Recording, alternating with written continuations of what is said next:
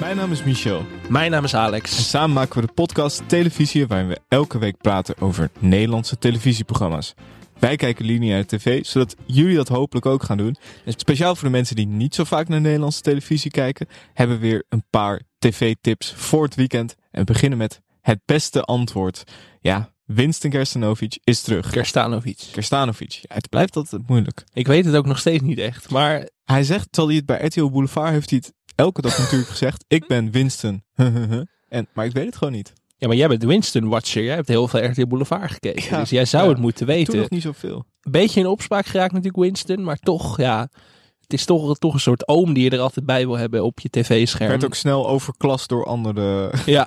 affaires en dingen, moet ik zeggen. ja, dus eigenlijk viel het mee wat Winston heeft gedaan. Maar een nieuw programma. Het beste antwoord. Ja, eh, het idee is... Het is eigenlijk een beetje schatten. Ja, Vooral. Het, bij, het is niet zoals alle de slimste mensen. Je moet het, eh, het perfecte antwoord... Nee, je moet het beste antwoord. Je moet er zo dicht mogelijk eh, bij zitten. Hoeveel atleten deden er mee aan de meest recente Olympische Spelen? Eh, hoeveel drielingen werden er geboren in 2021? In hoeveel landen rijden ze links? Dus wie het ja, minst ver van het antwoord af zit, dat is de winnaar. En, en die gaat naar huis met 25.000 euro. vind ik aanzienlijk. Vind ik, dat is meer dan wat wij verdienen. We hebben het, ja, we hebben Ja. deze week gehad over 2 voor 12. Dat is een andere Ja. pot. Ja, dat is, dit is even het grotere werk. Maar dat heb je ook wel met Winston natuurlijk. Denk je dat Winston met meer of minder dan 25.000 euro naar huis gaat? Per- Schattingsvraag? Voor Winston? Ja, meer.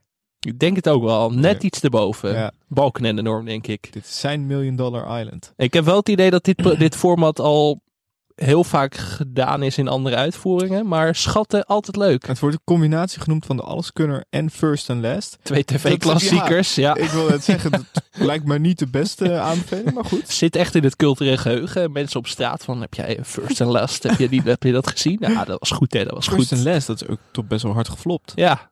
Ja, een gekke aankondiging, Ja. maar ik ben toch wel benieuwd. Kan. Eh, zondagavond, half negen op SBS 6. We zijn heel benieuwd. Dan hebben we Oasis in de Oriënt. Eh, een programma van eh, Keva Alouche, waarin hij ja, reist door het Midden-Oosten. Het is eigenlijk een reisserie. En ja, elke keer doet hij een andere plek aan. In, hij eindigt dit seizoen, de laatste aflevering, in de Kadisha-vallei in Libanon. Ehm, ja, ik, ik, ben, ik vind het mooi dat dit... Zijn natuurlijk, wordt veel gepraat over reisprogramma's, over het nut. eh, ook het niet-nut. Hè? Dat is een beetje een raar woord, niet-nut. je begrijpt wat ik, Ik, bedoel. ik was heel bang dat jij iets lelijks ging zeggen over Dionne dicht bij de First Ladies. Nee, nee, maar dat zouden wij nooit doen. Het zou, ik zou het niet eh, durven, maar in deze Kadisha-vallei eh, staan ceders van tientallen meters hoog. Het eh, nationale symbool van het land. Het is door de grootschalige houtkap inmiddels een beschermde soort. En ik las dit en toen dacht ik, ik vind het fijn dat de NPO dit ook maakt. Ik had geen idee. Ik had ook geen Nee, idee. nee. Nee, maar dat is toch, ik vind, het, ik vind wel die combinatie tussen dit, Floortje van, aan het einde van de wereld, reizen was. Grote favoriet. Zeg maar, ik vind het mooi dat dit er is. Dus ik heb het eigenlijk heel eerlijk gezegd zelf nog niet gezien dit seizoen. Maar laatste ga ik zeker kijken. Ja, en we hebben vaak kritiek op reisprogramma's met bekende presentatoren. Maar als het een functie heeft, dan, dan vind ik het helemaal prima.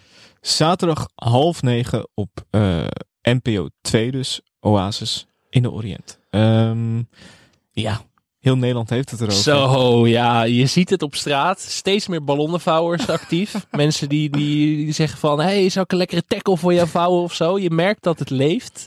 Blow Up is na vijf weken aan de grote finale toe.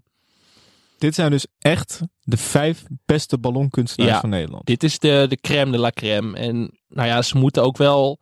Nou ja, ze moeten, ze moeten groots denken in deze finale. Want de jury wil alleen maar kleurrijke, torenhoge praalwagens van ze zien.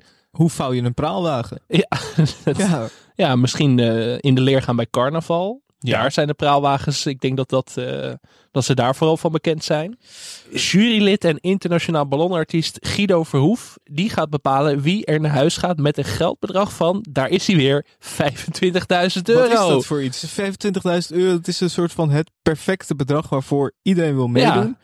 Maar ook niet, het is vaak ook wel bij eh 1 tegen 50 25.000 euro is vaak ook wel als ze een beetje af zijn van hun eh, escapes en zo. Ook een beetje waar ze op uitkomen. Het zou Misschien is mijn dit een soort halve gouden- studieschuld zijn, dus ik zou daar ook wel voor tekenen. Misschien is dit een soort ongeschreven tv-wet. Dat Ja. 25.000 euro is perfect.